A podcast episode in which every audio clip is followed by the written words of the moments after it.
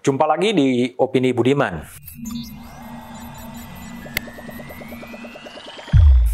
Kisah misteri dan kontroversi Jaksa Pinangki Sirna Malasari tetap menarik diikuti. Kejaksaan telah mengambil keputusan untuk tidak mengajukan kasasi. Artinya apa? Artinya kejaksaan memutuskan untuk tutup buku perkara Pinanti tentunya dengan segala misterinya. Ada apa di balik itu semua? Argumen logis dan yuridis kejaksaan memang masuk akal. Pinangki memang dituntut hanya empat tahun penjara oleh kejaksaan di pengadilan tingkat pertama. Ketika majelis banding kemudian mengembalikan vonis menjadi empat tahun, tentunya sudah sesuai dengan tuntutan jaksa.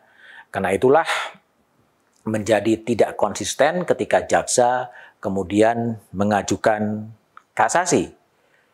Alasan lainnya dengan tidak mengajukan kasasi berarti kasus Pinangki menjadi berkekuatan hukum tetap. Dalam bahasa hukum adalah inkrah. Artinya kasus itu selesai, Pinangki difonis 4 tahun dan mengembalikan harta termasuk mobil mewah yang dikembalikan kepada kejaksaan. Dengan ditutup kasus itu, misteri kingmaker yang disebut-sebut berada di balik pengurusan kasus Joko Chandra menjadi tidak terungkap. Yang justru menarik adalah mengapa Majelis Hakim Banding memberikan diskon besar-besaran kepada Pinangki. Sebelumnya Majelis Hakim tingkat pertama Ignatius Eko Purwanto menghukum Pinangki 10 tahun penjara dari tuntutan jaksa 4 tahun alasan Hakim Eko sebenarnya progresif. Dia mengatakan tujuan dari pemidanaan bukanlah pemberian nestapa bagi pelaku tidak pidana, melainkan bersifat preventif untuk mencegah, edukatif untuk mendidik, dan korektif untuk mengkoreksi. Maka tuntutan dari jaksa yang empat tahun kemudian dinaikkan menjadi 10 tahun. Majelis Hakim pertama menilai hukuman 10 tahun itu dianggap layak dan adil. Hukuman itu juga sesuai dengan kadar kesalahan dan memenuhi rasa keadilan masyarakat. Hakim menyatakan sebagai jaksa penegak hukum tentunya tidak pantas Pinangki melakukan itu. Dan dalam persidangan Pinangki dinilai berbelit-belit dan tidak mengakui perbuatannya. Pertimbangan hakim pertama ini progresif. Yang justru bermasalah adalah di tingkat banding ya di tingkat banding mengatakan bahwa e, Pinangki hukumannya harus diturunkan menjadi empat tahun penjara karena Pinangki telah dipecat sebagai jaksa. Pinangki adalah seorang wanita dan membutuhkan mempunyai anak empat tahun yang harus kemudian diasuhnya.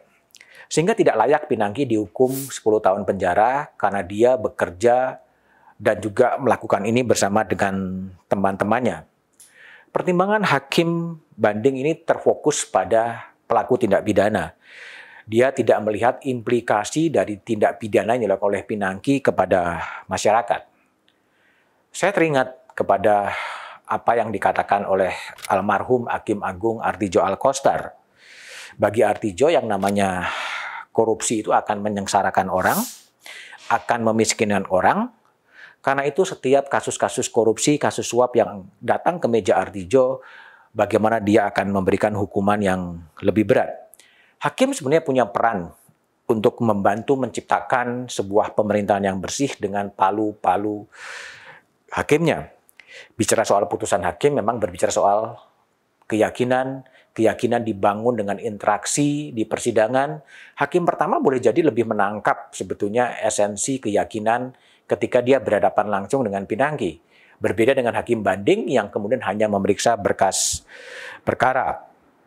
Ada pepatah, biarpun langit runtuh, keadilan harus ditegakkan. Kalau gender menjadi alasan, mungkin bisa dirujuk juga dalam kasus Angelina Sondah, sesama wanita, tetapi tidak mendapatkan perlakuan yang sama seperti jaksa Pinangki. Boleh jadi menegakkan keadilan masih menjadi utopi di tengah air, tetapi tetap harus diupayakan sebuah penegakan hukum yang tanpa padang bulu sesuai dengan teks konstitusi setiap orang mempunyai kedudukan yang sama di muka hukum, bukan penegakan hukum yang sifatnya terpimpin dalam tanda petik terpimpin, ada yang harus diadili, ada yang justru harus dilindungi. Itu tidak benar. Tapi apa pun yang terjadi, janganlah pernah lelah untuk tetap mencintai Indonesia.